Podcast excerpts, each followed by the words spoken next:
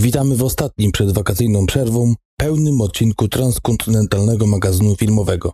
Z tej strony, z czeskich Karlowych War, mówi do Was Patryk. A z bruklińskiego Nowego Jorku, Darek. Dziś oprócz wspominków, bo dawno już nas nie było razem, mamy dla Was dosłownie garstkę premier, które wchodzą do polskich kin w nadchodzący piątek 9 sierpnia. Pierwszą z nich jest amerykański horror pod tytułem Upiorne opowieści po zmroku, którego jednym ze scenarzystów jest sam Guillermo del Toro, natomiast creme de la creme tego weekendu jest długo oczekiwany i przez nas już nawet bezspoilerowo zrecenzowany film animowany Toy Story 4. Gwoździem programu natomiast jest dziś thriller psychologiczny Fuga w reżyserii wschodzącej gwiazdy Polskiej Szkoły Reżyserskiej Agnieszki Smoczyńskiej.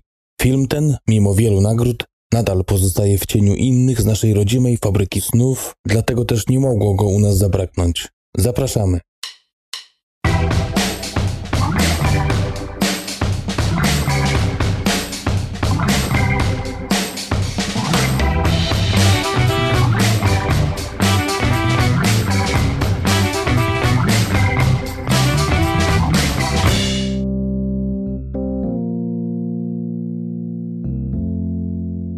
Cześć. To zaraz do ciebie. Przestań flirtować, tak? To ty filtrujesz przy montażu. Powiem ci, że gdybym nie widział twojego folderu z notatkami u nas na dysku, no to bym nie uwierzył, że razem nagrywamy odcinek.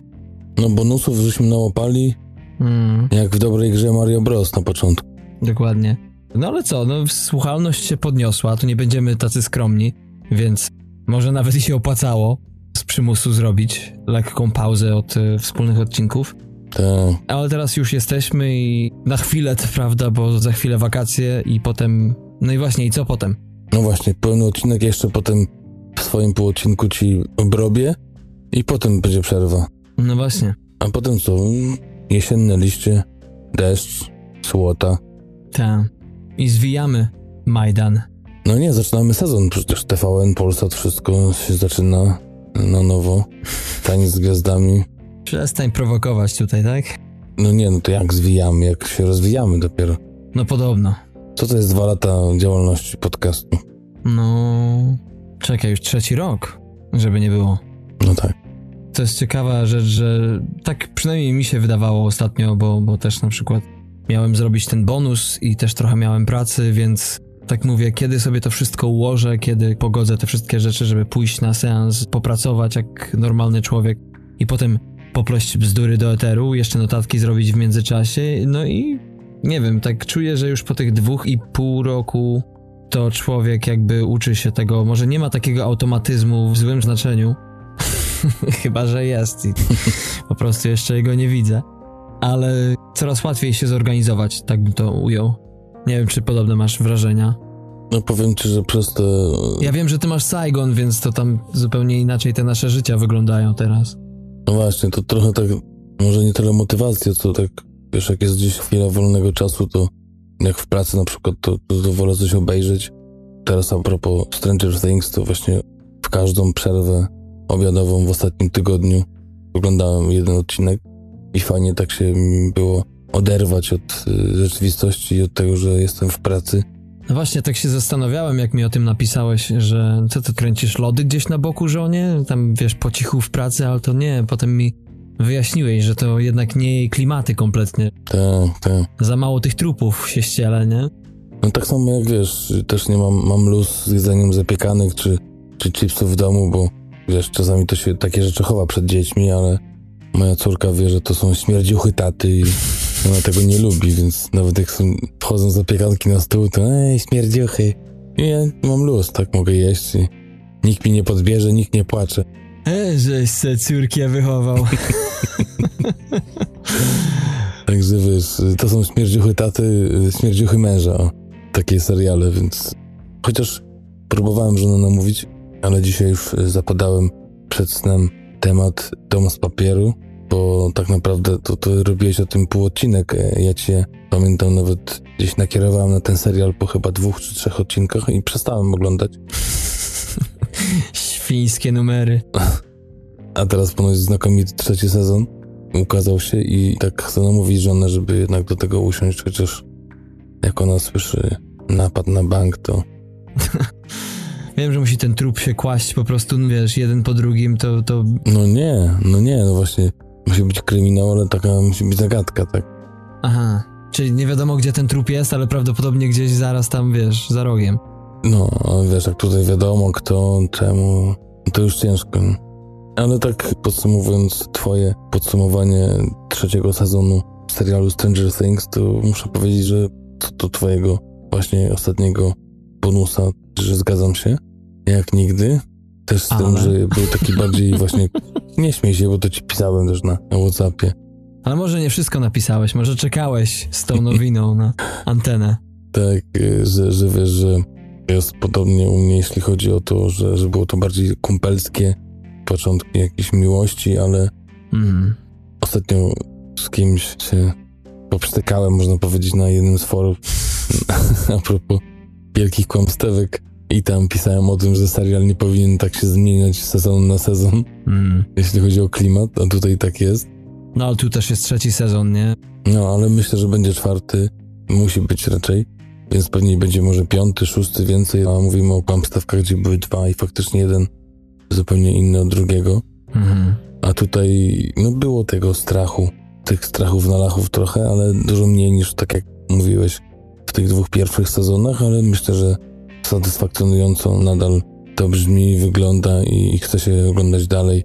Chociaż Bartek, nasz jeden z wielkich fanów, większy to fan Gwiezdnych Wojen niż nasz, ale może się kiedyś zmieni. Mówił, że a widziałeś tą ostatnią scenę? No, no i co? Co nie urywało, tak? Kończę. No nie urwało, ale to po prostu.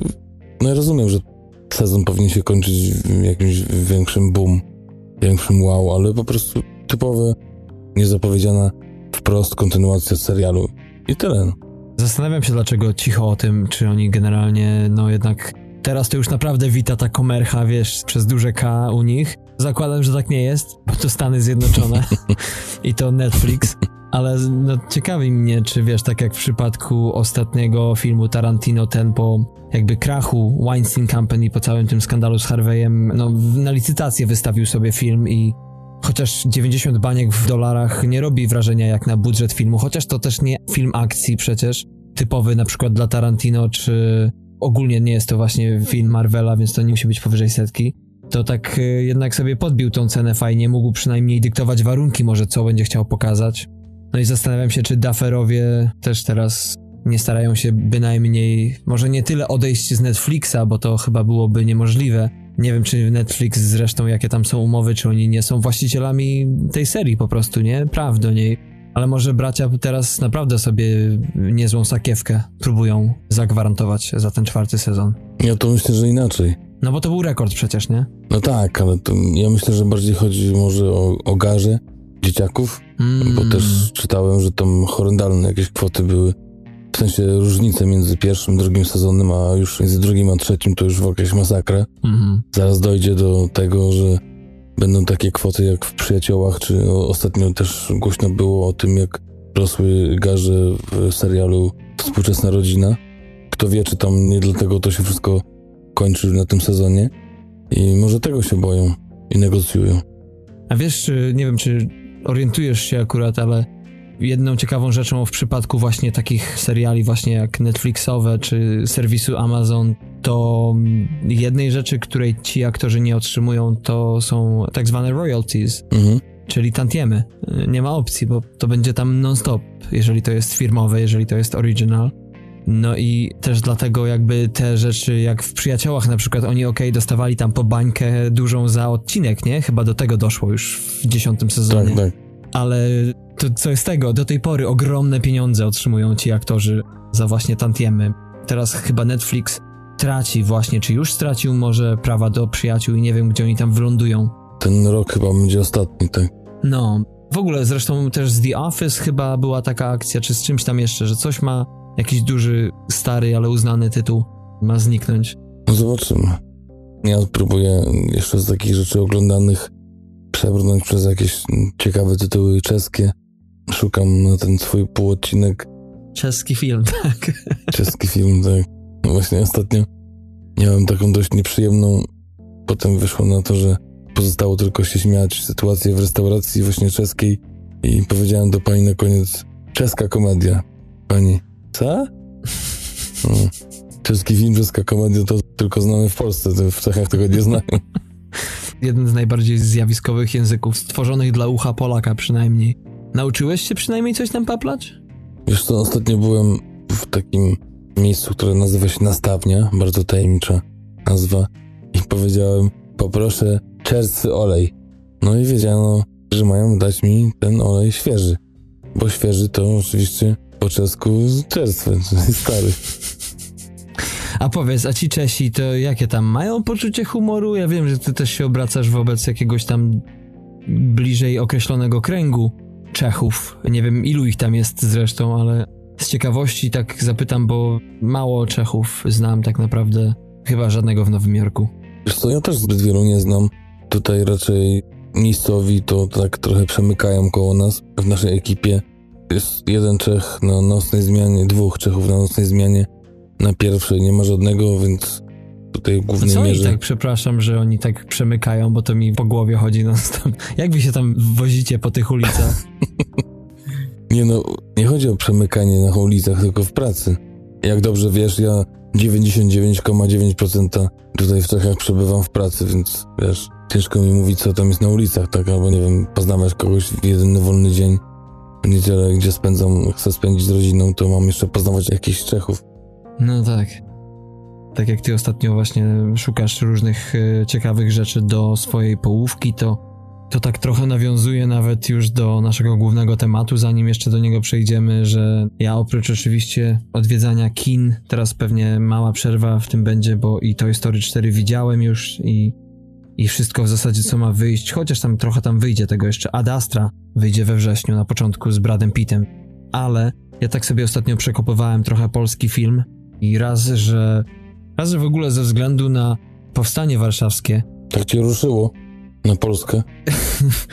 Wiesz co, generalnie dlatego, że teraz na świecie, e, no i zwłaszcza w naszym pięknym nadwiślańskim kraju, tak naprawdę wszystko to, co w eterze, to sama kłótnia, przynajmniej wobec. I ja jakby, no jestem człowiekiem, który z jednej strony czytał dużo o tym i też jakby to mnie fascynuje, ten temat niezmiennie od lat. A z drugiej strony sobie tak pomyślałem, kurczę, skoro wszyscy mają jakieś opinie na różne tematy i każdy się wypowie, to ja może po prostu filmowo polecę i zobaczę po prostu, jak to powstanie zostało przedstawione na przestrzeni lat. No i dwa z trzech filmów obejrzałem, kanał Wajdy. Kiedyś ci chyba wspominałem i chyba na antenie też o tym, że pierwszy raz jak zobaczyłem ten film, to po prostu no nie mogłem opędzić od wrażenia, że to jest po prostu fatalny film. Mhm, pamiętam, pamiętam. Strasznie mi się nie podobał. A teraz?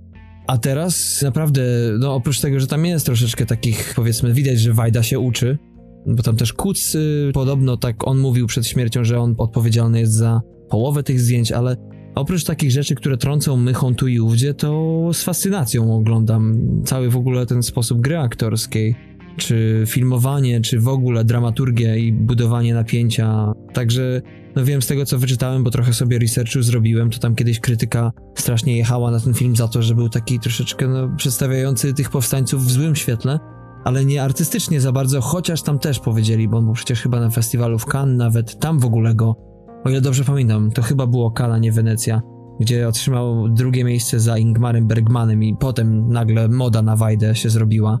Ale tak nie, nie wchodząc w to, bo to jest jakby odcinek, zastanawiałem się zresztą, czy nie wypuścić jakiś specjalny odcinek i nie zrobić taką kompilację polskich filmów. Drugim filmem była Godzina W. Mhm. To lata 70., o ile pamiętam. No i trzecim jest jeszcze to Miasto 44, które strasznie mi zrobiło. Chyba przez to, że po prostu to jest jakby paradokument prawie, nie? Że, że tam krew i łzy i tak dalej, wszystko się leje non-stop, bez przepraszania. Tak więc to mnie to zajęło troszeczkę takie odświeżanie sobie rodzimej kinematografii, bo coś mi się wydaje, że jej strasznie jest mało na naszej antenie. Ja wiem, że wszyscy wiele rzeczy wiedzą, ale właśnie czasami może zastanawiam się, czy nie ugryźć jej, nawet właśnie w takich odcinkach osobnych, z jakiegoś tam punktu widzenia. No wiesz, y, to też jest pole do popisu do naszych rozważań a propos zmian powakacyjnych, tak jak sam przed nagraniem dzisiaj dobrze zauważyłeś, że najwięcej u nas zmian właśnie się dzieje po tych przerwach wakacyjnych, lipcowo-sierpniowych Mm. i kto wie, może jakieś takie historyczne odcinki będziemy robić, nie wiem, teraz nie, nie chcę tutaj źle pozapowiadać jakichś zmian konkretnych, ale może to też jest jakiś dział, czy takie wspomagające może odcinki, które mogą się pojawić poza naszymi pełnymi połówkami indywidualnymi. Tak jest. No, nawet możemy zaprosić do tego naszych słuchaczy, jak macie jakieś takie swoje widzi wam się i zawsze coś was interesowało i może czegoś wam brakuje w internetach a propos właśnie filmu, bo tego jest masa przecież. My nie jesteśmy jedynym podcastem filmowym. Zawsze powtarzamy, że to fajnie, że wybieracie nas akurat, że to, o czym mówimy, was też poniekąd kręci. Vlogów też jest co niemiara i blogów, ale jeżeli chcielibyście o czymś posłuchać, na przykład w formie audio, co może jest w formie pisanej, ale wy nie jesteście generalnie fanami czytania, inne rzeczy was interesują, właśnie nowa forma typu podcast, no to dajcie znać. No, myślę, że to też jest ciekawa inicjatywa, Darku, z twojej strony, bo mówisz, że wybierają państwo, szanowni, nas, ale oczywiście to też nie jest tak, że w ciągu tygodnia czy dwóch ogląda się tylko jeden film. Można tych filmów obejrzeć więcej i tak samo można posłuchać więcej tych podcastów. A tych filmowych ostatnio się trochę narobiło, Mm. więc jest w czym wybierać. Też śledzę na nowo te powstające i niektóre są ciekawsze, niektóre mniej, ale, zawsze coś tam można dla siebie wyłuskać i też czasami jakaś niespodzianka, polecajka mi wpadnie i, i coś tam wyłapię, spróbuję obejrzeć. Ale właśnie możecie nam sugerować oczywiście, bo tak naprawdę, Darku, dlaczego ten podcast powstał? Bo chcieliśmy zrobić coś, czego nie ma. Tak jest. Podcast, którego nie było wtedy na rynku i dalej takiego za bardzo nie ma, który mówi głównie w tych pełnych odcinkach właśnie o tych perełkach, tak jak dzisiaj, które odkrywamy na nowo, albo tych nieodkrytych, też niedocenionych. I tego nie było, nie było też podcastu, który mówi o premierach kinowych, ale może wy nam zasugerujecie, czego jeszcze nie ma. Może dołożymy jakiś dział, może coś ujmiemy, Mhm. może coś was denerwuje, nie wiem, no to nie jest oczywiście kwestia tej przerwy, bo to zawsze czekam na jakiś feedback z waszej strony, więc nie mówię, że macie jakiś ten deadline do któregoś tam sierpnia, aż skończy się przerwa, tylko po prostu jak was znajdzie, to napiszcie, zadzwońcie, tudzież wyślijcie zdjęcie, piktogram czy inną buźkę. Tak jest, tym bardziej, że my może nie mamy czasu, żeby i też to nie miejsce, żeby non stop o tym na antenie mówić, bo to jednak są sprawy zakulisowe, ale na przykład też zauważamy, że no niestety, ale nie mieliśmy ostatnio jak nagrać wspólnie pełnego odcinka, więc tak jak Patryk wspomniałeś, musieliśmy się posiłkować bonusami, no i potem okazało się, że to nie tylko nam nie zaszkodziło, że była ta przerwa w naszej jakby głównej misji, czy tej jednej z głównych, czyli właśnie te perełki, a no zupełnie okazało się, że być może i nawet nowi słuchacze doszli i tak dalej, więc to też są takie rzeczy, czy na przykład premiery, czy wy je słuchacie w ogóle, czy interesują was te premiery. Wiadomo, że mamy sporą rzeszę ludzi z zagranicy, którzy no nie mają jak zobaczyć tych filmów, chyba że na przykład słuchają, bo potem mogą sobie zobaczyć, czy gdzie indziej mogą sobie te filmy obejrzeć. Wiem, że są też słuchacze z Polski, którzy na bieżąco śledzą premiery i to im w jakiś sposób pomaga ale no fajnie by było jakby mieć statystyki zwrotne bardziej od was niż y, tylko z naszego serwisu hostingowego, który no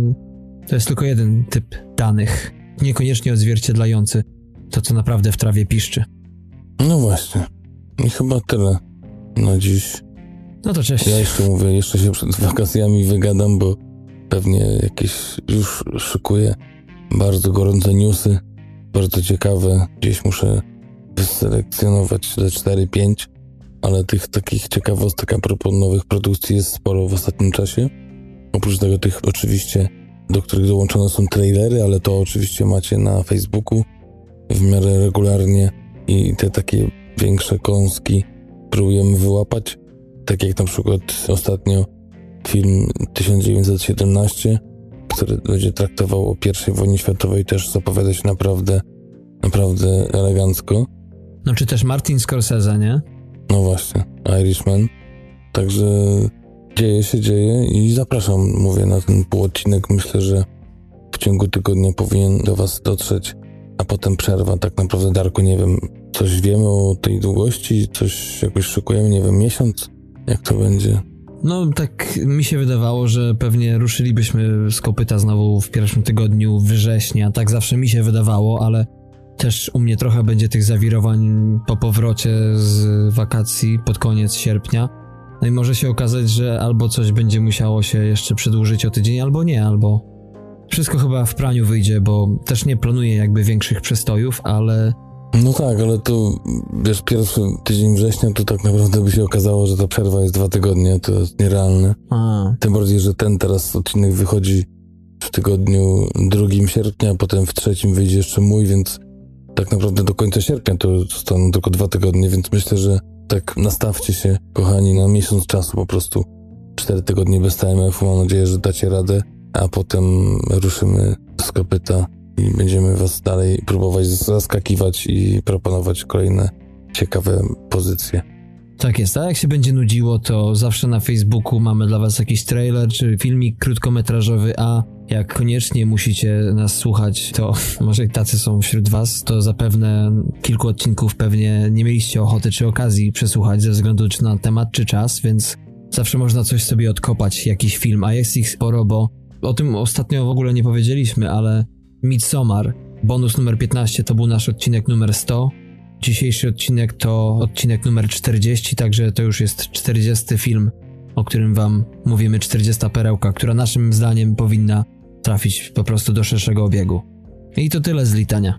Przechodzimy do tych naszych stałych punktów, żeby po tylko kilku słowach tak naprawdę, bo dzisiaj dość wyjątkowo, nie że mało premier, to, to jeszcze jedno macie w bonusie, którą też e, przekleimy w tym tygodniu na Facebooka, żebyście mogli sobie przypomnieć o właśnie Toy Story 4, także szybko przelecimy przez te premiery na ten tydzień 9 sierpnia i lecimy do Fugi.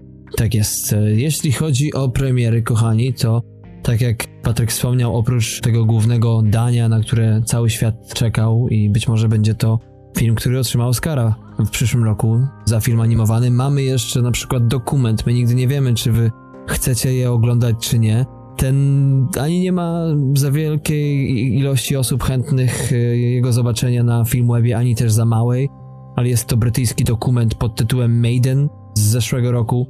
I to jest film, który w bardzo ciekawy sposób podobno opisuje losy pewnej kobiety, która generalnie stworzyła sobie ekipę na jachcie, z którą wzięła udział w jednym z najbardziej niebezpiecznych rejsów na świecie. No i być może to będzie coś dla Was, jeżeli takie rzeczy Was interesują.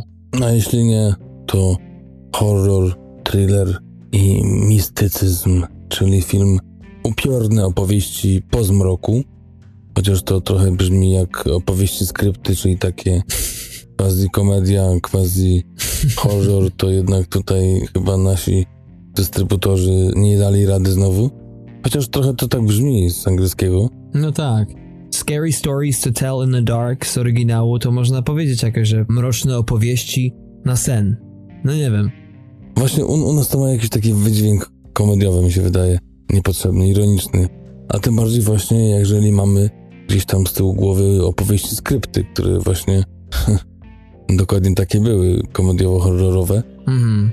Produkcja kanadyjsko-amerykańska, premiera światowa ma miejsce 7 sierpnia na Filipinach, tak dziwnie to się jakoś rozkłada, 8 w Holandii, a Polska i Stany Zjednoczone to właśnie razem idą bark w bark i 9 sierpnia można iść samego rana na właśnie film, który jest zapowiadany jako dzieło Guillermo del Toro, opartym na noweli Alwina Schwarza z lat 80., właśnie pod tym samym tytułem.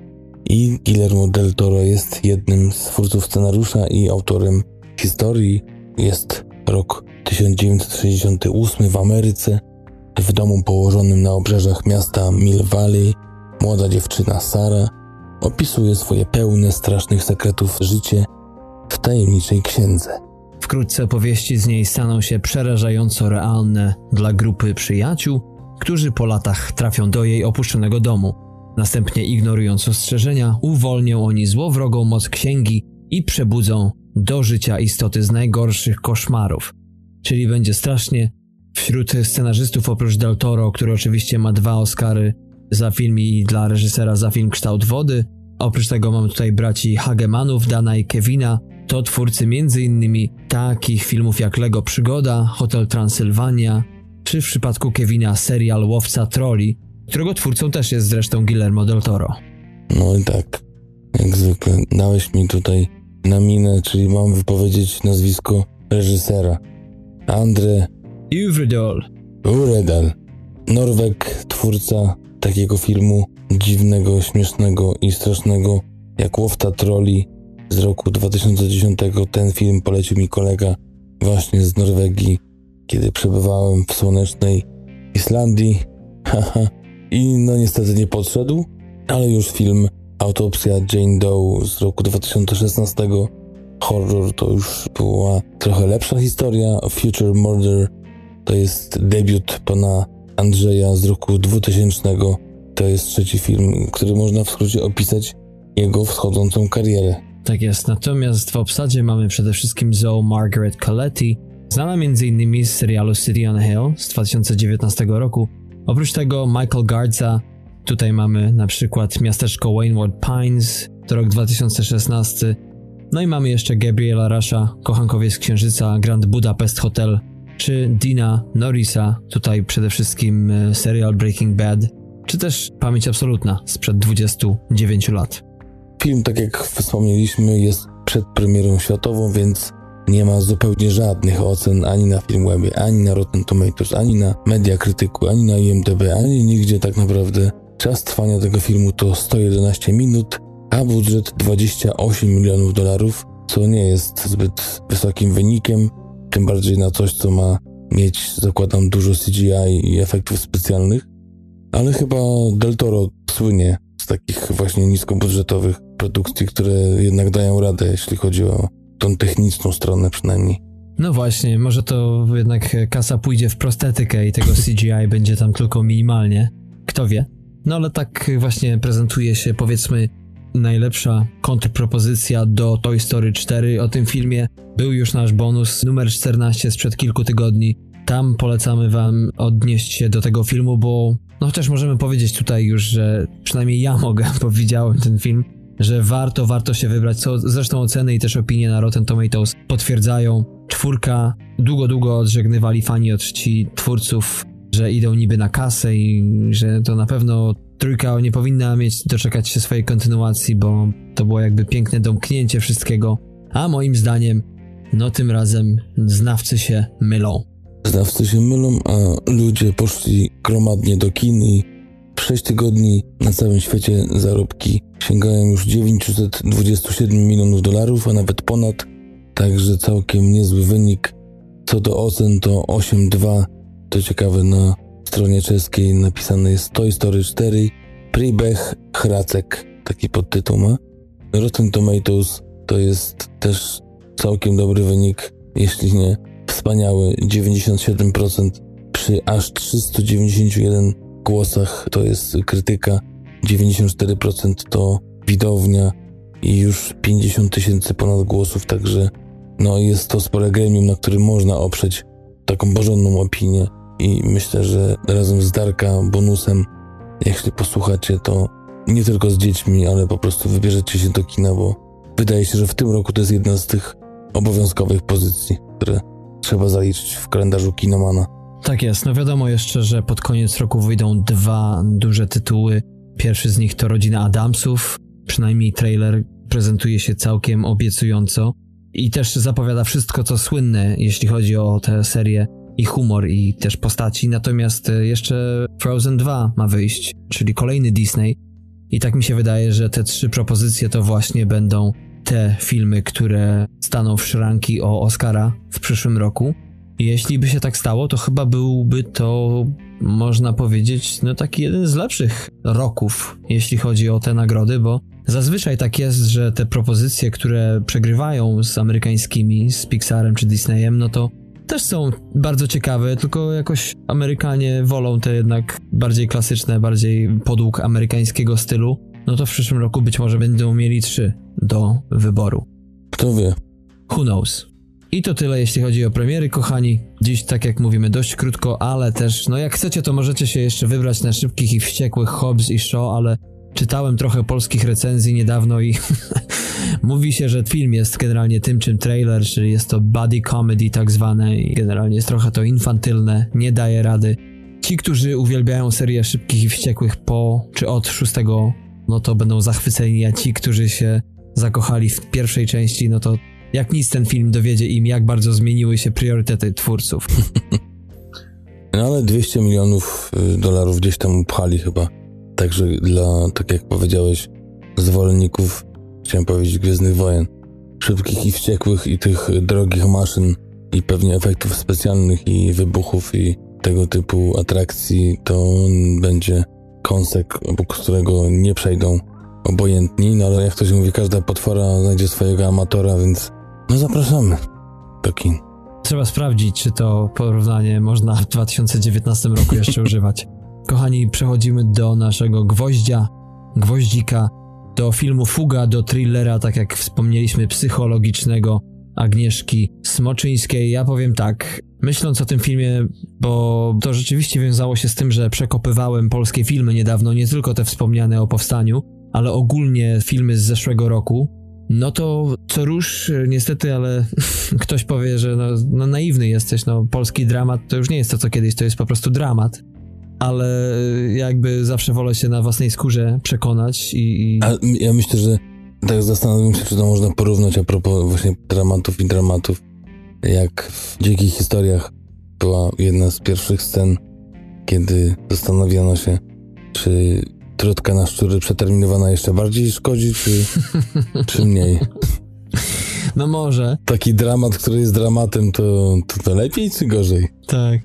No, wiesz co, może po prostu skupimy się na, na tym, że jednak jeśli chodzi o zaspokojenie jakichś kinowych potrzeb moich, no to rzeczywiście miałem solidnego pecha co do różnych pozycji, bo i nawet Koterski mi nie podszedł, chociaż to tam u niego to, to komedia ala Koterski ale wymęczył mnie już tym, o ile wcześniejszych filmów jestem fanem. Ale tak, e, do rzeczy, Fuga, no spośród tego wszystkiego trafił się film, o którym już zresztą mówiliśmy kilkukrotnie, o którym się mówiło, że to film, który tam sporo nagród dostał, no bo można wymieniać tutaj, ale też, że jednak właśnie on nieco jednak istnieje z tyłu jakby bardziej reklamowanych produkcji, że ta Smoczyńska jednak, że to coś, co ona popełniła no, musi być chyba lepsze niż y, to, na co wskazują głosy na Filmwebie na przykład, y, ile osób obejrzało ten film. I trafił nam się taki kąsek, który zresztą też y, nie ma łatwego życia z widzami, bo jak się przejrzy stronę na Filmwebie, no to tam ja sobie zapisałem trzy takie naprawdę dosadne komentarze a propos tego filmu, ale no... Czy Smoczyńska to jest utalentowana reżyserka, czy nie? No jak to nie? No bo podobno nie. Wiesz, ciężko przeciętnemu zjadaczowi chleba oceniać tę reżyserkę po tych tylko dwóch filmach. Pewnie tacy, którzy bardziej się zagłębią w tą jej przeszłość krótkometrażową, to może więcej coś powiedzą, ale wydaje się, że przynajmniej jest to nowy powiew, jakaś świeża fala. Na pewno jest to reżyserka, która zaskakuje, która bawi się formą, której zależy na oryginalności i wcale się nie boi eksperymentować i szukać swojej drogi w tym gąszczu reżyserów, nawet na naszym podwórku. Na pewno ktoś, kogo warto śledzić w przyszłości i dopingować. Wiadomo, jest to nasze podwórko, nasza Aga. Zawsze chce się, żeby te polskie filmy zdobywały nagrody i popularność i też rozsławiały nasz kraj bardziej niż nasza słaba polityka międzynarodowa i krajowa. Czyli mniemam, że mówiąc o tym, że nie boi bawić się treścią czy formą, masz na myśli to, że nie przehandlowuje nic za to, tak? Że oprócz tego, że jest ciekawą, spostrzegawczą e, twórczynią, to też i esencja tego, czym się zajmuje, daje radę, trzyma mocny poziom. No tak, i też na pewno fakt tego, że, że jeden od drugiego filmu bardzo się różni. Mhm. Pierwszy to Turki Dancingu z roku 2015, gdzie był to no taki zanurzony w PRL-u musical i też film, za który no sporo zebrała i nominacji, i nagród. Przede wszystkim pani Agnieszka Smoczyńska, a przede wszystkim kryształową gwiazdę L jako nagrodę specjalną. To właśnie Fuga jest zupełnie czym innym. Tak jak mówiłeś na początku, thriller psychologiczny, zupełnie inna stylistyka, inne postacie, inne kolory, bo to też warto zwrócić uwagę, że Córki Dancingu był takim świecącym się kolorowym ptakiem, coś jak z tych ostatnich propozycji, które oglądałem. Przychodzi mi na myśl Stranger Things, też taki mocno kolorowy, mhm. pasterowy kolory i tak to właśnie wyglądało te Córki Dancingu. chociaż trochę na kontrze do tych takich, można powiedzieć, smutnych lat perelowskich, a tutaj zupełnie inne kolory, stonowane, ciemne, niebieskie, ewentualne szare. Jak to mówi reżyserka i też Gabriela Muskała, tutaj świat jest taki, którego tak naprawdę nie ma i jest, czyli uniwersalność tej historii, że mogłaby ona się wydarzyć w każdym miejscu, czy to Japonia, czy to Stany Zjednoczone, czy Polska. Tak zresztą też choreografka w jednym z wywiadów mówiła, że tak właśnie na tym zależało, że na przykład zdjęcia były kręcone na Dolnym Śląsku, ale chcieli właśnie pokazać miejsca, które najmniej oddają właśnie stare bloki, żeby to się też nie kojarzyło, żeby było zupełnie inaczej. No i w ogóle też nie do końca widać, że to jest Dolny Śląsk, nie? Bo to jest dom Tablice na... rejestracyjne. Tak, ale na przykład przez to, że nie siedzę w Polsce kompletnie, to raczej już tam zapominam. Jak jest jeszcze wóz z przodu, to już w ogóle zapomnij, nie? Czy tam D coś tam, no to się gubię w tym. No i jeszcze dwa, to co powiedziałeś a propos tego pierwszego jej filmu i porównania fugi do niego. No to tam też y, jakby to wszystko było na zewnątrz, prawda? Bardzo żywiołowe, ale też ta energia jakby ona była od wewnątrz na zewnątrz. Tu jednak ta psychologia działa, a tam no była to może nie tylko super sama zabawa non-stop, ale wszystko to było bardziej jaskrawe, bardziej głośne. Oczywiście. I teraz tak wysuńmy się z filmografii i w ogóle z osoby pani Smoczyńskiej, bo tak zaczęliśmy o tym, czy jest dobrym reżyserem, czy złym, czy warto tu kibicować, czy oglądać. I teraz przejdźmy właśnie do tej całej fugi.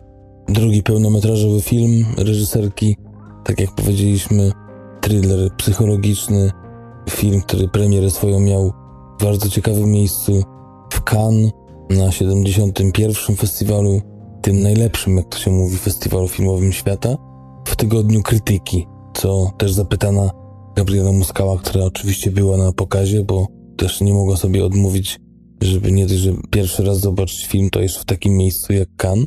Jest zapytana o czerwone dywany, flesze dziennikarzy, to właśnie powiedziała, że nie, to takie mocno kameralne, wszyscy w takich casualowych strojach, żadnej pompy, nic i tak sympatycznie, trochę tak jakby z daleka i w takim zupełnie innym nastroju niż cały ten blichtr Kan, ale jednak Kan, także liczy się. No tak, no Blichtr musi jednak pójść w świat, bo to nakręca lajki. No ale masz rację, potem ten film został przedstawiony na bardzo wielu festiwalach, między innymi tam, gdzie przebywasz obecnie, czyli w Karlowych Warach, ale też i w Melbourne, w Sztokholmie była jeszcze cała masa pomniejszych. W Polsce do kin ten film wszedł 7 grudnia w zeszłym roku, a oprócz tego jeszcze były Czechy, Szwecja, Francja, Dania, Wielka Brytania, więc widać, że i koprodukcja, bo to film międzynarodowy, ale i też to, że festiwalowo ten film został wypuszczony z napisami, na YouTubie sobie nawet można go obejrzeć za pieniążki. No to widać, że jakby dopiero drugi film pełnometrażowy reżyserki, a już towar eksportowy i to tak z dużego C. Dokładnie, a jeszcze jak do tego dołożyć naprawdę całkiem niezły angielski obu pań i Smoczyńskiej i Muskały, czyli odtwórczyni głównej roli, a zarazem twórczyni w ogóle pomysłu i scenarzystki filmu, to naprawdę nie mamy się czego wstydzić i pani naprawdę w jednym z wywiadów właśnie w Cannes bardzo ładnie się wypowiadało po angielsku z taką sporą swobodą, co chciało przekazać, o czym jest ten film, dlaczego taki, a nie inny i o historii też filmu. No widzisz, można.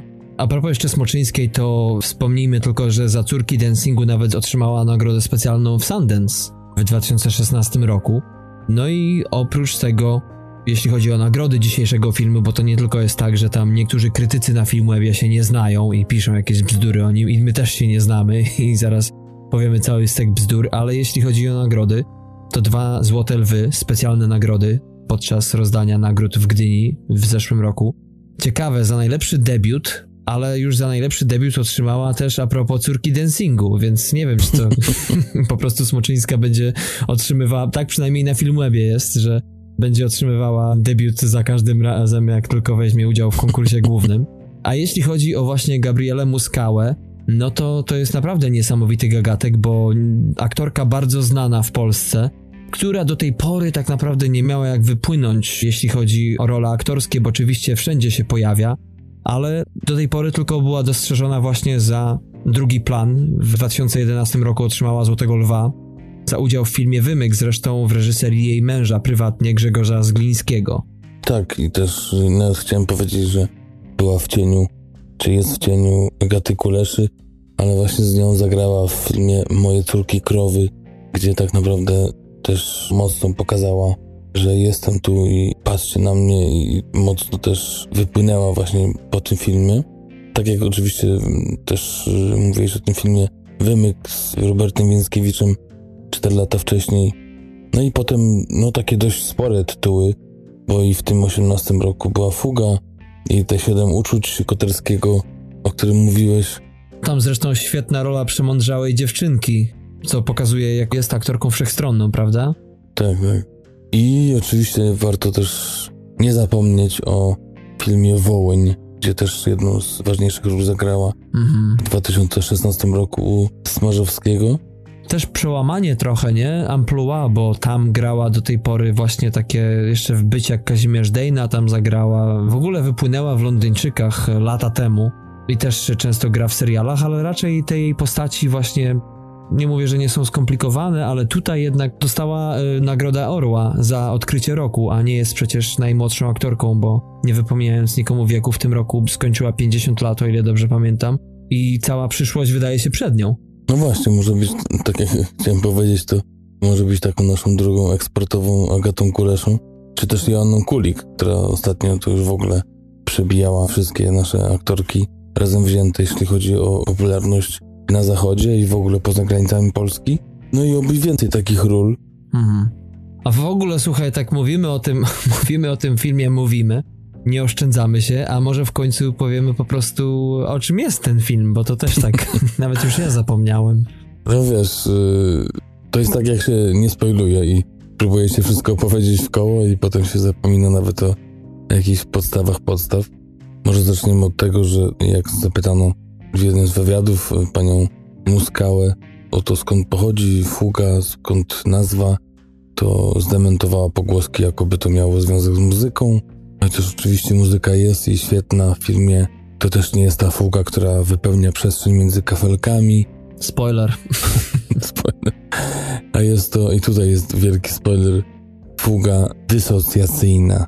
To jest y, ucieczka, też nazwana inaczej ucieczka histeryczna, dysocjacyjne zaburzenie nerwicowe polegające na ucieczce z dotychczasowej sytuacji, prawie zawsze nieprzyjemnej, tak mówi Wikipedia. Może objawiać się przykład zmianą pracy zawodowej albo daleką podróżą.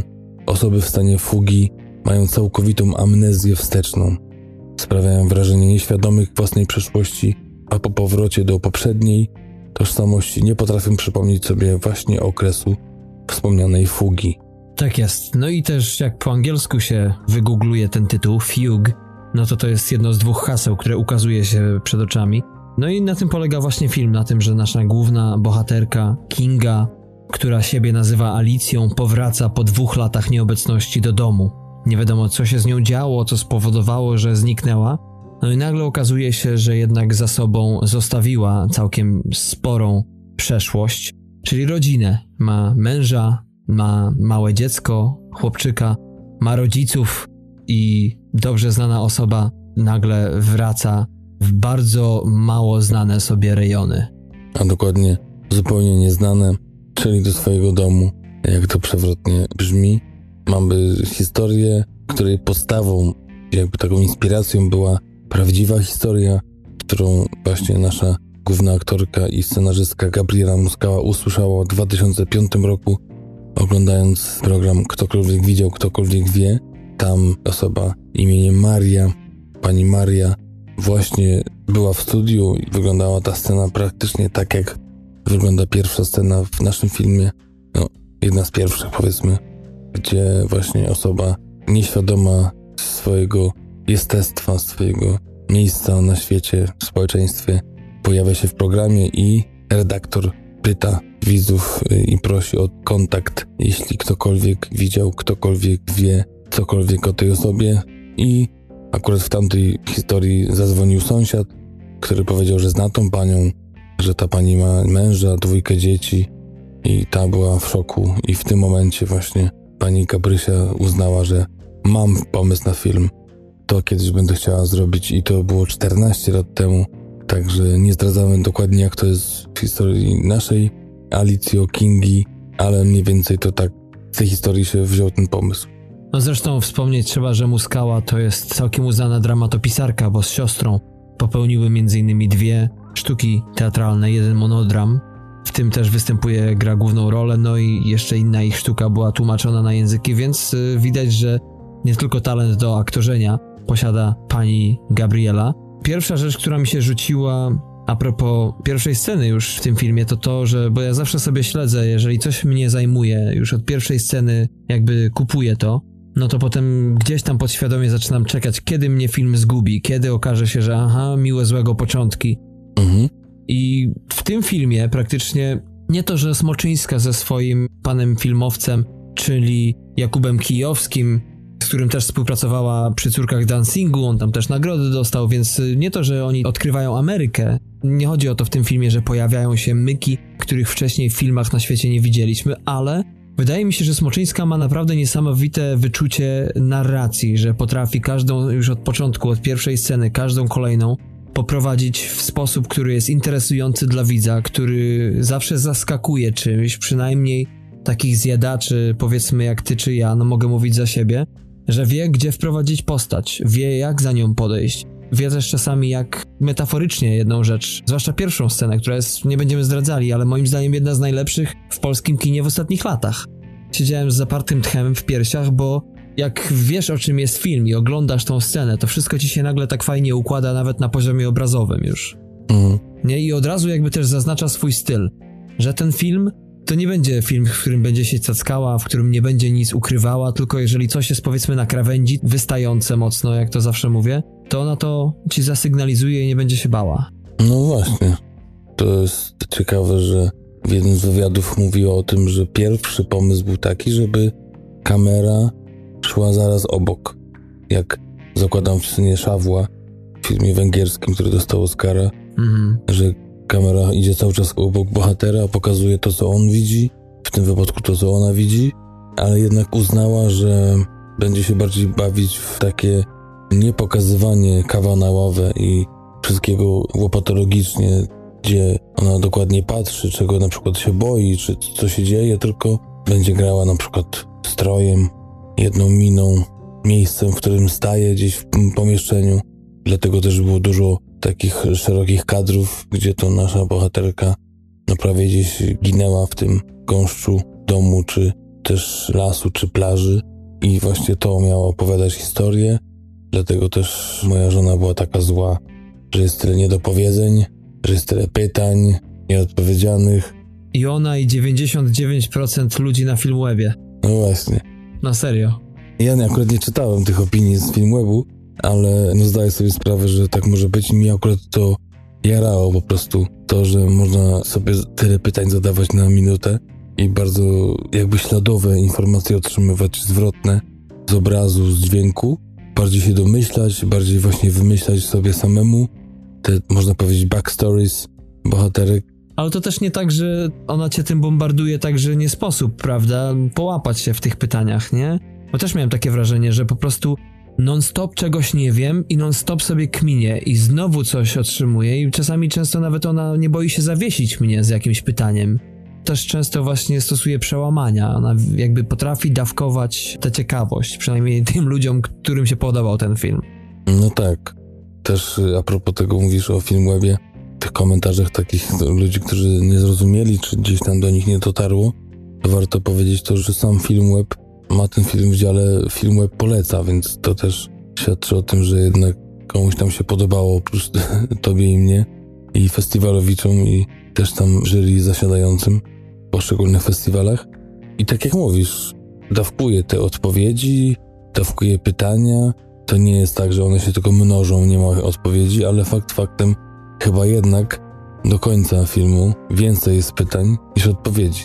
No, to generalnie zgrywa się także z główną bohaterką, prawda? Bo ona jakby pojawia się znikąd, musi odkryć na nowo swoją tożsamość i będzie ona zupełnie nową dla niej. No i to tylko jakby wierzchołek jest góry lodowej, czy początek problemów. Rzeczywistość zewnętrzna kompletnie nie pasuje do tej wewnątrz.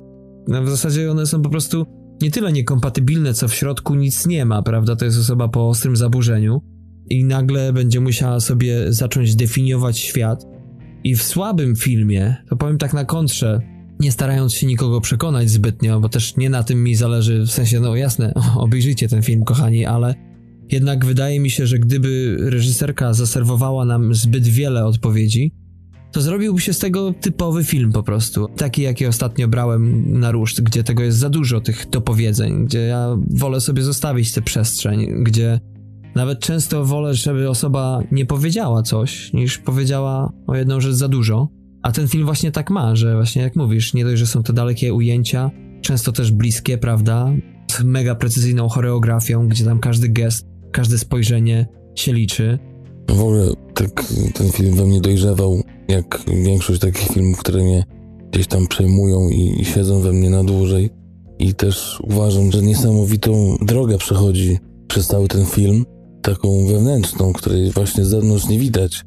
I naprawdę trzeba się wczuć w nią, w jej postać, te relacje, które na nowo zawiera tak naprawdę ze swoją rodziną. Też film zadaje pytania bardzo aktualne i bardzo takie uniwersalne i mocno kontrowersyjne na naszym podwórku, w cudzysłowie polskim, katolickim.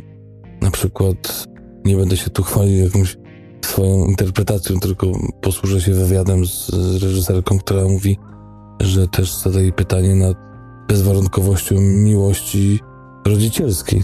Czy to jest tak, że kochamy swoje dziecko po prostu, bo jest naszym dzieckiem? Czy jeżeli zapominamy, że mamy dziecko, to dalej je kochamy i dlaczego? Mhm. Tak samo jak z mężem, jak z rodziną. Są takie pytania, które no, ciężko sobie wyobrazić inną sytuację, żeby taki test można było przeprowadzić, bo jeżeli robisz taką przemianę osobistą, świadomą, to ona jest zupełnie inna niż taka, robisz tak jesteś inną osobą.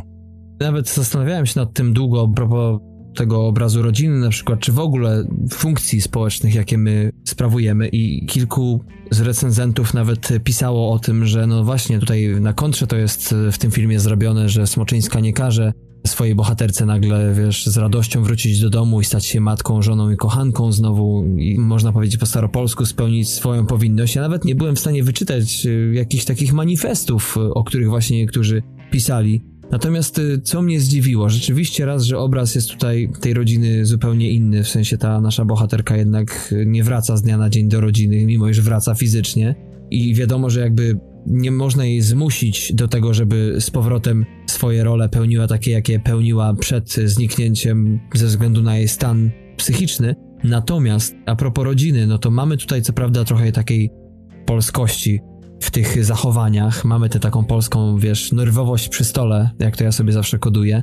Kiedy to mama coś krytykuje pod nosem, mąż nie wie jak się zachować, więc trwa w ciężkiej ciszy i to wszystko jakoś takie wychodzi ale mimo tego, że oni się trzymają razem, to jednak dostaje też taki zlepek jakby światów istniejących obok siebie. Mamy rodziców, mamy potem, nie wiem czy to był brat męża, z którym jest taka scena, nie zdradzimy za wiele, obiadu i z jego żoną, który zachowuje się też w jakiś pewien sposób i to wszystko tak mi się troszeczkę, wiesz co, jakby na ślinę było połączone ze sobą, że nie tylko ta najbliższa rodzina naszej bohaterki generalnie, no można powiedzieć w punkcie wyjściowym filmu nie istnieje, do niej się wraca, ale też im dalej, tym też więcej problemów zauważam. Mówisz o problemach e, głównej bohaterki z, z tym nowym światem, czy? I ogólnie, wiesz, nawet po reakcji męża a propos właśnie ta słynna scena obiadu, mhm. gdzie to widać wszystko jest jakieś takie przemilczane, więc są jakieś rzeczy, które gdzieś jakimś takim motywem przewodnim, cichym, takim podskórnym dla mnie była taka właśnie skaza na rodzinie, że, że te rzeczy niby z wierzchu mogą wyglądać ok często, czy standardowo, ale tak jakby się zagłębić, to no właśnie, jak to powinno wyglądać w 2019 roku? Po staremu, czy może to już nie jest takie proste? Myślę, że nie jest takie proste. Myślę, że nigdy nie było, tylko było przedstawiane, upraszczane, na siłę upraszczane przez to, że właśnie tak jak mówiłeś, jakieś postawy społeczne każdy musi czy musiał, czy powinien przyjąć i gdzieś tam o niektórych rzeczach się nie mówiło, milczało o tym. To zawsze było tylko po prostu zakopywane w ogródku, czy wrzucane pod dywan. A tutaj jest to zderzenie. Właśnie tutaj dalej widać tą odwagę tej reżyserki.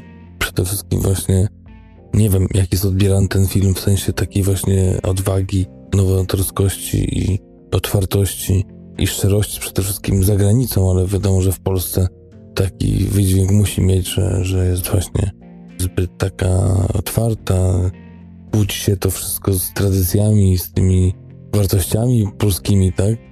Na pewno są takie opinie też, oprócz tego, że może się film nie podobać, to samo podejście do, do tej rodziny, do tej percepcji i do tego, jak mąż z żoną mają się zachowywać w stosunku do siebie, rodzice do dziecka i tak dalej. A tutaj to wszystko jest zaburzone. Jedno powiem ci, co podoba mi się a propos rozwiązań narracyjnych tego scenariusza, to to, że jednak mimo tych różnych rzeczy wydaje mi się, że to wszystko istnieje na poziomie recenzowania tego dzieła, bo Smoczyńska jednak, czy bardziej Muskała, unika w tym filmie komentarza, żeby kobieta wzięła się w garść, powiedzmy, bo, bo często w polskich filmach, zwłaszcza i to zwłaszcza w 2018 roku, nie będę może wymieniał wszystkich teraz, bo nie czas i miejsce, ale była taka tautologia, komentarze właśnie często z offu, że ktoś powiedział, no weź się w garść i, i jakby masz tutaj optykę skierowaną bardziej na zewnątrz do wewnątrz, a tu optyka jest właśnie skierowana na zmaganie bohaterki z samą sobą. Jest tutaj ogromna, jak powiedziałem, introspekcja. I nie potrzeba dowodów raczej na to, że środowisko jest jej obce, czy nieprzychylne, czy że nie może się doczekać na to, kiedy ona wreszcie wróci w cudzysłowie do siebie. Chociaż też jest jakoś obecne oczywiście, że każdy chciałby, żeby to się jednak skończyło. Ale właśnie nie ma tych myków w filmie, takiej kalki, tautologii, nie brnie w tę stronę Smoczyńska, raczej pokazuje właśnie to, że ona zresztą często mówi do swojego męża, granego nomen omen przez Łukasza Simlata, z którym to nie pierwszy już film razem grają, bo i Amok był, i też Moje córki krowy, i Wymyk, ale no, często mówi do niego otwartym tekstem. Nigdy praktycznie w tym filmie ja się nie dopatrzyłem przynajmniej sceny dialogu, kiedy ona mówi coś w sposób zawoalowany, kiedy coś udaje. No tak, tak. Nie ma teraz co cytować, bo będziemy spoilować, ale faktycznie jest y, kawa na ławę, jest tak czasami niewygodny ten film. Czasami wydawałoby się, że tutaj mogłoby powiedzieć łagodniej, tutaj on mógłby zareagować inaczej, ale no pokazujemy tutaj te emocje takie, jakie są. Tak jak mówisz, nie ukrywamy, otwarty tekst, szczerość, ponad wszystko, może nie u każdej postaci, ale u tych najważniejszych. I to kuje, kuje i gdzieś tam na pewno, ile by się lat nie miało i w tej Polsce było, to jednak zarówno ty i ja wiemy, jak to jest. Chociaż gdzieś tam może jesteśmy trochę. No nie chcę tutaj, wiesz, tam za dużych słów o nas mówić, że jesteś otwarci bardziej na nowości. Nie, no nie jest tak, bo to też pewnie już ja nawet tak raz do roku, no raczej tak często nie bywam w Polsce, ale teraz tak będzie i jakby, wiesz, ja też inaczej innym byłem zupełnie człowiekiem, jak wyjeżdżałem z Polski, zupełnie inaczej myślałem o wszystkim praktycznie. I teraz też na inne rzeczy zwracam uwagę jak wrócę do Polski, powiedzmy do większego miasta, ja też mówię, że oczywiście tam Zielona i okolice to jest oczywiście może nie prowincja, ale to nie jest Warszawa, czy nie wiem, Kraków, czy Trójmiasto, ale widać, że wszędzie już chyba na świecie istnieją dwa światy obok siebie. Jest ten świat zupełnie inny, który inaczej definiuje kto gdzie przynależy, kto kim się zwie, nazywa i jest ten świat, który jednak jest, my znamy z autopsji, nie? Który jest bardziej tradycyjny. I wydaje mi się, że jest podłoże spore a propos właśnie takich filmów i, i rzeczy, które inaczej uderzają. Ja na przykład powiem tak, myślałeś w ogóle nad tym, to nie jest moja oryginalna myśl, ale jeden z recenzentów pisał o skutkach pozytywnych amnezji. I czy ty generalnie widzisz tu jakieś, czy przynajmniej w jakiś sposób e, odczytujesz to? Fajnie czasami zapomnieć? To znaczy, yy, wiesz co, to już yy, samo takie właśnie wyjaśnienie tej choroby, to już jest ciekawe samo to, że przeważnie dotyka to ludzi, którzy gdzieś tam byli na skraju załamania, którzy byli w sytuacjach, gdzie po prostu czuli się niekomfortowo, nie tam, gdzie chcieli, obco. Bardzo często to się wiązało z tym, że, czy wiąże dalej, że takich ludzi jest naprawdę sporo i oni zrobili dużo researchu, jeśli chodzi o osoby właśnie dotknięte tą chorobą, ale i lekarzy. To są właśnie osoby, które bardzo często były na skraju gdzieś tam podjęcia decyzji o samobójstwie i nagle w takim momencie zderzenia się ze ścianą, z kloszem, z czymkolwiek byśmy nie nazwali tego miejsca, gdzie po prostu wydaje się, że dalej się nie da dojść. I nagle mózg robi reset, jakby go nie nazwać, to jest system obronny organizmu, wyłącza wszystko i może wtedy da się żyć na nowo. No, w, na pewno, na pewno jest to na tym poziomie biologicznym, bo to też jest Tak się mówi podobno, dlaczego ludzie, którzy wypiją za dużo, nie pamiętają nic, ponieważ mózg wyłącza pamięć, żeby podtrzymać inne ważniejsze organy w ciele. Mhm. Więc jakby energia idzie w drugą stronę. Bardzo ciekawa rzecz naszła mi na myśl po seansie tego filmu, kiedy już wiedziałem co i jak. A propos tego, co jakiś czas sobie ogólnie kminie, po ulicach Nowego Jorku chodząc, widząc ludzi, którzy są często zdesperowani, bo tutaj, tak jak zakładam, w każdym dużym mieście widać tego troszeczkę więcej. O wiele więcej szaleńców jest w każdym dużym mieście niż w małym. Widzę bardzo często ludzi, którzy są na skraju i myślałem sobie o takiej etiudzie filmowej, kiedy to facet czy kobieta coś w nich pęka i po prostu rzucają cokolwiek mieli w dłoni i wychodzą przez siebie i idą i nigdy się nie zatrzymują. I tak po tym filmie sobie pomyślałem, że nasza główna bohaterka jest w zupełnie innej sytuacji. Też ma to powiedzmy katarzis, tylko nie pozytywne, ale całkowitą tabula razę. Zamiast wyjść przed siebie, tak, w ten świat nieopisany, w nieograniczony, ona wraca do mocno świata zdefiniowanego, bo tam przecież jedną z metod na leczenie takiej choroby jest naklejanie karteczek z nazwą w zasadzie wszystkiego, co jest oknem, co jest krzesłem i tak dalej. I nie po to, że te osoby nie wiedzą, co to jest krzesło, ale to jest takie podprogowe działanie na mózg, że im więcej tych rzeczy jest w polu widzenia, ten mózg sobie wszystko zaczyna układać i wtedy zaczyna się kuracja prawdziwa. No tak, to, to akurat w tym filmie są jakieś zalecenia lekarza a propos tego, jak ten mózg działa i, i też, tak jak mówisz, tymi potencjalnie dobrymi efektami takiej amnezji. Tutaj jest też tak, że bardzo długo, jak mówiła Muskała, tak naprawdę dwa lata zastanawiała się nad tą postacią, bo on jakby pisała ją przez pryzmat swojej osoby, że to jest taka dobra osoba, matka, żona i teraz ona tutaj się zderza z taką sytuacją, że nie wie, co się z nią dzieje, tak się snuje trochę, ale potem doszło do niej informacje, że bardzo często zupełnie charakter się zmienia tej osoby, że jak była spokojna, to potem jest taka wybuchowa, buntownicza, i tutaj ten nowy impuls był, że tak, to w tą stronę zrobić ją na kontrze. I na kontrze do siebie, jak właśnie tak jak mówisz, do swojego emploi, ale na kontrze też do tego, jaką osobą prawdopodobnie była. Bo tego też nie wiemy do końca. Przed tym wypadkiem, czy przed popadnięciem w tą chorobę. I to jest ciekawe, to, że tak e, nawet w ten sposób organizm reaguje i przestawia te wszystkie klocki w głowie, tak? I, i nagle zamiast empatyczna osoba jest jakaś, y, nie wiem, złośliwa. Ciekawe, co tym powoduje, że akurat w tą stronę idziemy. Czy to są jednak te nabyte, bo, bo jednak przez dwa lata gdzieś żyła tej Warszawie, tak? Z tego, co kojarzę w tym filmie. Tak podaje. Tak, i coś tam gdzieś tam jakiś swój charakter już formowała, jakieś zachowania, przyzwyczajenia, pracę, cokolwiek. Coś musiała robić przez te dwa lata, zanim właśnie wpadła w ręce lekarzy. Ciekawy jestem, jak ten mózg to wszystko rejestruje na nowo. Zastanawiam się, oczywiście nie starając się wmówić tym z Filmwebu, którzy generalnie twierdzą, bo to taka jest specjalność, już nie mówię Polska, bo tak nie chcę, żebyśmy jechali na tą Polskę, bo to też nie jest tak, że tutaj uprawiamy jakąś politykę, ale generalnie jest tak, że jak się coś zarzuca krytykowi, no to nigdy się nie konfrontuje tego krytyka tekstem typu nie wiem, mnie nie wzięło, ja nie zrozumiałem, to nie mój klimat, albo ja tego nie widzę, tylko generalnie jest zawsze atak na krytyka, że tak wychwalają ten film i że w ogóle tego nie ma.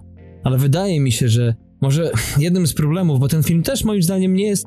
On jest mało problematyczny, naprawdę chyba najmniej problematyczny polski film w ostatnich latach, w którym mówię, jest mało tej mychy, o której zawsze mówimy, ale przede wszystkim o co chodzi? Chodzi o to, że tak jak główna bohaterka próbuje sobie te klocki poskładać, tak i my w zasadzie, tak mi się wydaje, widownia jest zupełnie równoległa trajektoria naszych dociekań.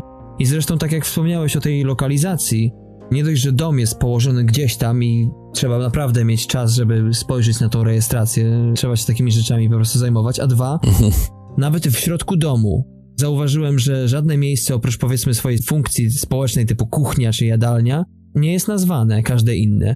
Jest jakiś pokój, no niby tu malucha, ale potem tu jest jakieś inne pomieszczenie, inne pomieszczenie. Wszystko, jeżeli już ma definicję, to minimalną. No tak, to też twórcy mówili o tym, że mocno chcieli oszczędnie tutaj działać, jeśli chodzi o dom, samo wyposażenie, ale z drugiej strony chcieli, żeby to trochę klaustrofobicznie, ale trochę też nastrojem kolorystyką trochę przytłaczało tą główną bohaterkę, żeby taka się czuła właśnie jeszcze bardziej odosobniona, jeszcze bardziej zagubiona, nie potrafiąca wczuć się w to, że, że to jest mój dom. Też tak jak mówiłem, i strój miał grać, i te przestrzenie, te szerokie kadry, i, i też to mieszkanie, ten dom. No i wydaje się, że to właśnie wszystko zazębia się pięknie. Wszystko jest przemyślane. Niesamowicie nawet widzisz, tak jak powiedziałeś, też nie będę wypominał wieku pani Gabrieli, ale sama powiedziała, że, że została wysłana przez reżyserkę na kurs aktorstwa. Jakiegoś instruktora dostała. Zupełnie inaczej w tym wieku spojrzała na, na w ogóle pracę aktora, żeby dostać trochę innych ruchów niż takich, które ma na co dzień. Wysłała ją na kurs karate, taekwondo, coś w ten sposób.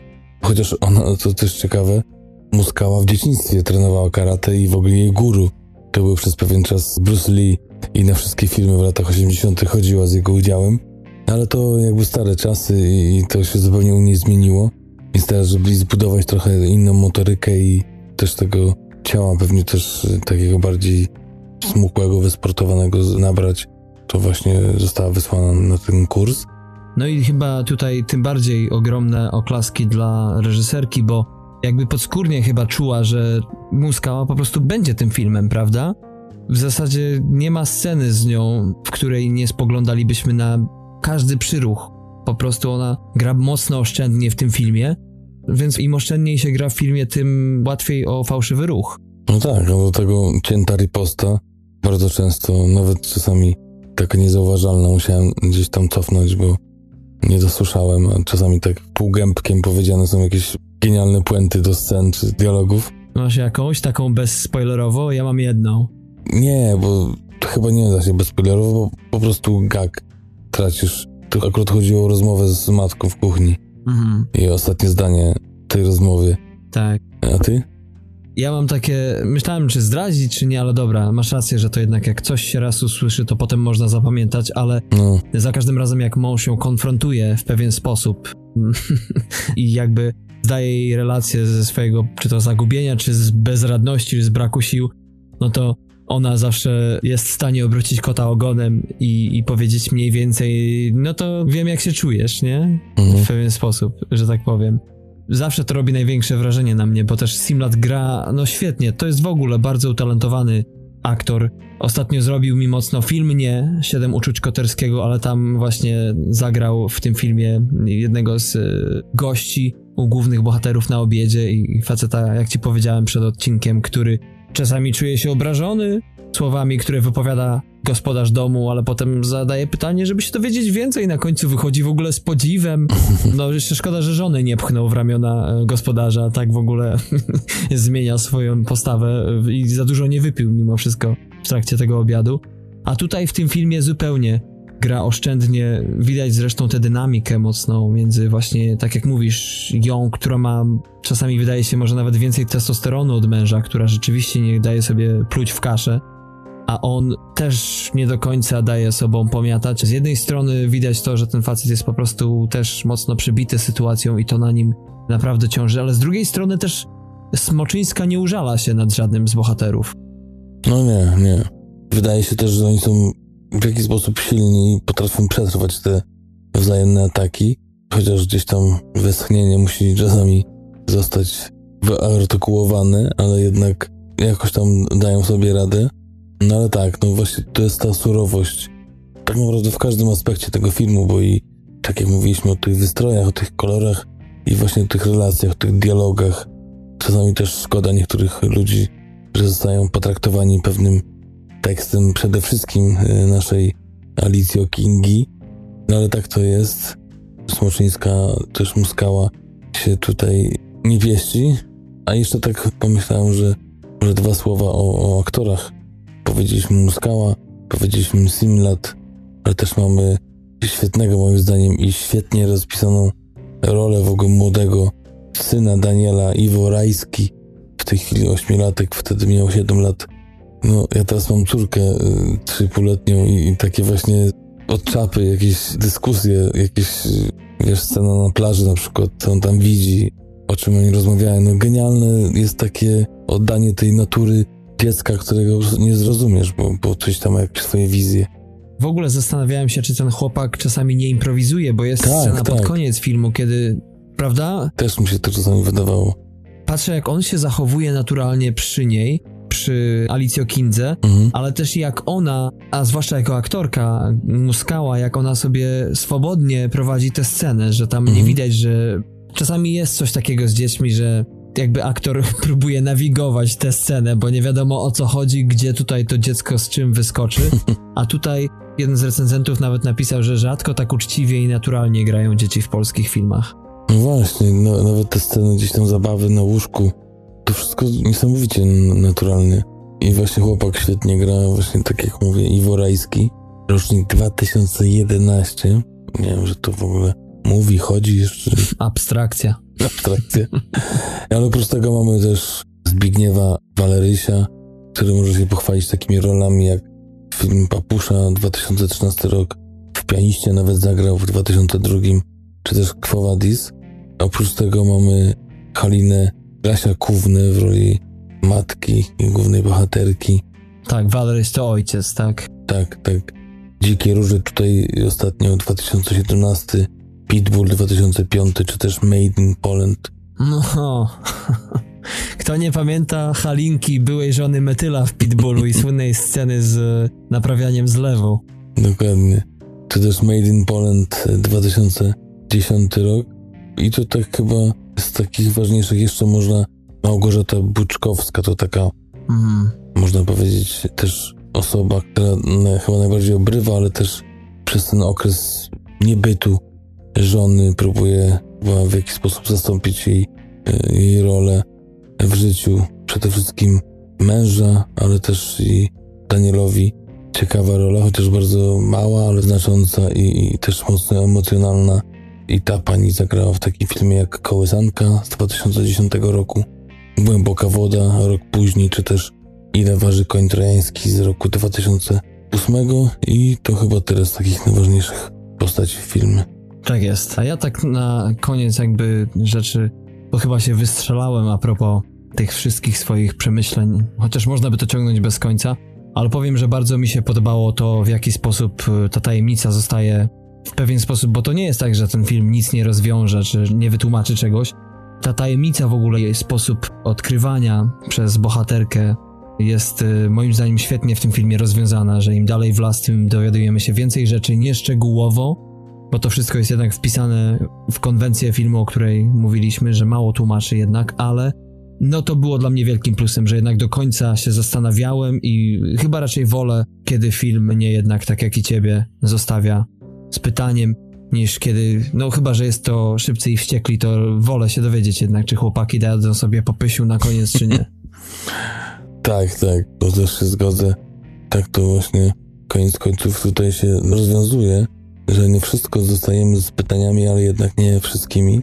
I jest jakaś tajemnica rozwiązana i też pole do takiego już większego domysłu, ale jednak już z jakimiś danymi, którymi możemy wypełnić pewne luki w tych pytaniach i chociaż częściowo na nie odpowiedzieć. Też, tak jak mówię, jeszcze kwestii produkcyjnej, powstawania scenariusza, no, tak jak mówiłem 14 lat temu, Muskała wpadła na pomysł, zaraz zaraziła tym pomysłem Smoczyńską, ale potem przyszły inne projekty i ostatnie naprawdę 6 lat przed filmem to był już samo tworzenie scenariusza. Potem pojawił się projekt Smoczyńskiej realizacji córek dancingu, ale jednak wierzyła Muskała do końca, że jednak tak pochłonięta jest tym pomysłem i tak zaangażowana i emocjonalnie też i przejęta Agnieszka Smoczyńska, że, że nie odpuści i pisała przez te ostatnie trzy lata sama czekając na to, kiedy będzie miała właśnie Agnieszka Smoczyńska czas i w końcu ten film powstał. Strasznie się z tego cieszę i tak myślę sobie, że też na debiut scenopisarski, jeśli chodzi o film, nigdy nie jest za późno i, i scenariusz widzisz powstawał tyle lat i udało się i naprawdę świetna rzecz. Nic tylko czekając na kolejny, chociaż widzę tutaj w tych kredytach na Filmwebie, że nic na razie w planach chyba nie ma. Niczym się nie chwali przynajmniej. A propos tylko minusów na koniec, to chciałbym powiedzieć ze swojej strony, że nie zgadzam się z tymi, którzy twierdzą, że w tym filmie jest brak blizn, czy także jeśli chodzi o psychikę, nie tylko fizycznych. bo tu akurat ja naliczyłem ich sporo, zwłaszcza tych psychicznych. W ogóle cały film to powinien się nazywać blizna, mm, jak nie rozdrapywanie, ale jeżeli krytycy poczytują coś temu filmowi właśnie in minus, to to, że nie przekonuje ich w tym filmie ilość skrótów myślowych i niedopowiedzeń. I w moim przypadku to jednak jest minus dodatni tego filmu. Że oczywiście jestem w stanie sobie wyobrazić, że komuś to właśnie może przeszkadzać, że jednak jest kilka takich rzeczy, kiedy może, no, może ciutkę więcej można by było tutaj wyjaśnić czy poprowadzić to, ale z drugiej strony to jeszcze o tym nie wspomnieliśmy, ale ten film także ma troszeczkę i retrospekcji, ale nie stricte timeline'owej, tylko pojawiają się tutaj sny, wizje, które no mocno mącą tym wszystkim i mi przynajmniej te rzeczy tłumaczyły, dlaczego bardzo wiele rzeczy pozostaje niedopowiedzianymi. Widzisz, czyli idealnie przeczytałeś zamysł reżyserki. Tak to właśnie tłumaczyła, że a propos tego właśnie, że to był taki psychologiczny film w tym wywiadzie po angielsku, bardzo fajnie wytłumaczyła, że nie ma teraz według niej kina gatunkowego takiego w 100%, i też u niej tutaj się pojawiają takie elementy właśnie jakichś wizji, snów, które gdzieś przeplatają tą historię i dodatkowo wypełniają te luki w charakterze czy w opisie osoby takimi właśnie wizjami. Dopełniamy sobie to, co nasza bohaterka ma w głowie. I na przykład moja jedna z ulubionych scen w filmie nie dość, że świetna muzyka, to genialna scena tańca i też, tak jak ty teraz tutaj zgadłeś o co chodziło reżyserce, to ja też zgadłem o co chodziło w tym tańcu, może pamiętasz, było kilka par, ten taniec po prostu był symbolem. Tak. Czego to nie powiemy, ale jedna z moich najbardziej ulubionych scen. Mhm. Jak i scena na plaży, to tak na koniec e, a propos ulubionych e, rzeczy. Chociaż e, jest tyle myków, że aż mi ciężko o tym opowiadać. Ja mogę powiedzieć tak, nie znam się może na filmach, ale wiem, kiedy film mnie przykuwa od początku do końca. Jednym tchem oglądam i tak było w przypadku właśnie fugi Agnieszki Smoczyńskiej. Dokładnie. Miałem to samo i, cieszę się niesamowicie, że w końcu znaleźliśmy jakiś polski film po tym ataku paniki, który już dawno temu i mam nadzieję, że coś tam wygrzebiemy dla was, może coś starszego, może jeszcze w tym roku z polskiej kinematografii, po czym też będziemy mogli być dumni, że takie filmy są, powstają. Jeszcze raz niesamowity film, mnóstwo emocji siedzi we mnie tak naprawdę do tej pory. Myślę, nawet dzisiaj myślałem o tym, żeby jeszcze raz obejrzeć, przeżyć to jeszcze raz. Nie żeby coś odkryć, żeby coś czegoś dowiedzieć, ale przeżyć tą całą historię, przede wszystkim wewnętrzną głównej bohaterki. Tym bardziej, że udźwiękowienie w tym filmie jest fenomenalne i często dopowiada nam bardzo wiele rzeczy, czy tak naprawdę prowadzi te akcje, bo bywają sceny, jest ich całkiem sporo, kiedy widzimy coś, co się dzieje na ekranie, ale tak naprawdę to nie jest tym czynnikiem powodującym akcją, a właśnie to, co się dzieje wokół głównej bohaterki. Gdzie to się dzieje, co się dzieje, co to za dźwięki. 13 do 13,5 na 15.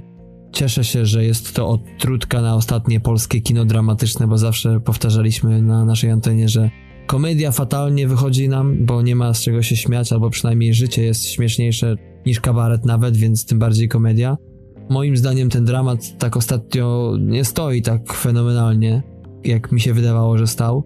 I dla mnie Fuga to jest taka fajna niespodzianka. A jeszcze dodatkowo właśnie podszyty takim thrillerem i no i przede wszystkim mocno psychologiczny. Też tak od dramatu bardziej odchodzi. Tutaj no jest rodzina, ale jednak mocno skupia się na tej psychice i są takie momenty też, może nie jumpscare'owe, ale takie, gdzie można się trochę zjeżyć i przeżyć nutkę emocji i to też jest na zdrowe wychodzi. Ja też daję taką samą cenę jak ty, 13,5 na 15.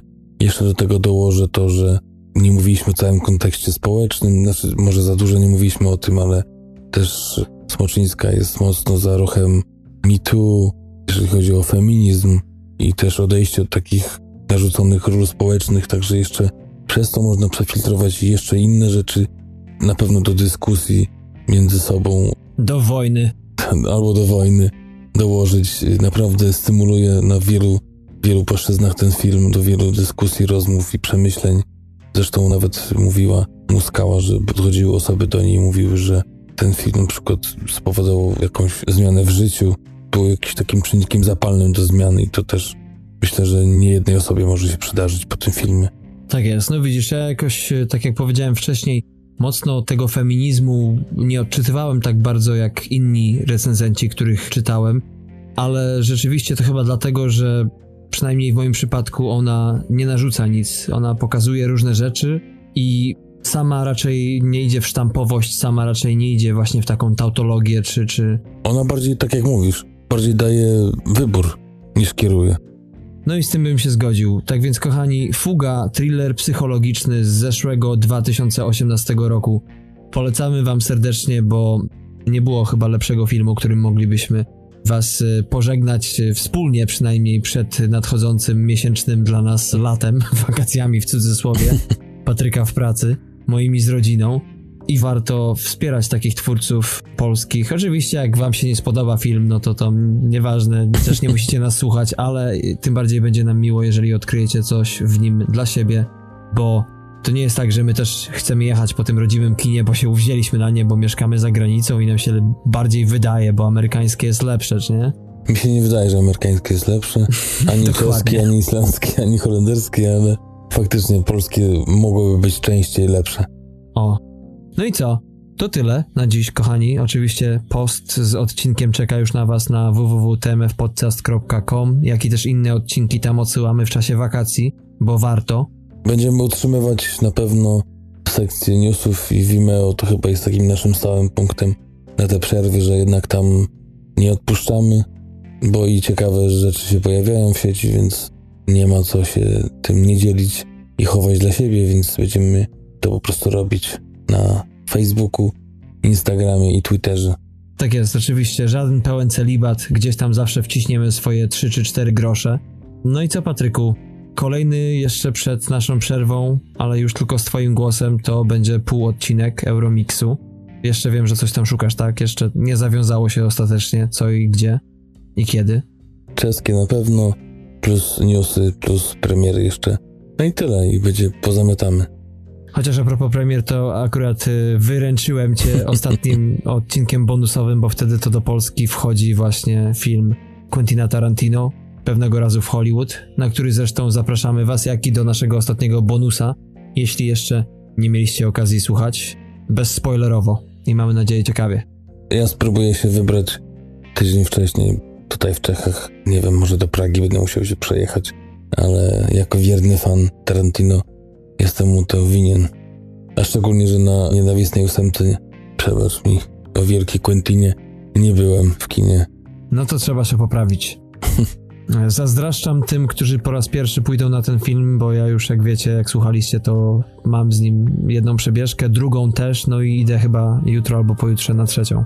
O. W 40 albo 38 mm, jakoś tak. To malutkie będzie. to o detale chodzi, no. A. Ja obejrzę w hurcie, wam też życzę, żeby było to większe niż 38 mm.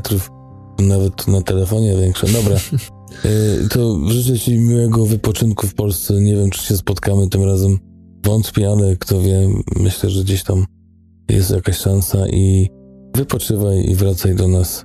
A ja Ci jeszcze obrobię w pół odcinku i tyle. Tak jest, cztery litery. Ja też dziękuję Tobie, dziękuję Wam, przepraszam za cały rok i wakacje to czas na zmiany i może gęba na pewno się nie zamknie, ale może zwolni. O. Tego sobie i Tobie życzymy. Amen. Ja ze swojej strony dziękuję. Trzymajcie się ciepło, kochani. Udanego weekendu, udanego lata. Ja również Wam dziękuję. Do usłyszenia za tydzień. Trzymajcie się. Hej!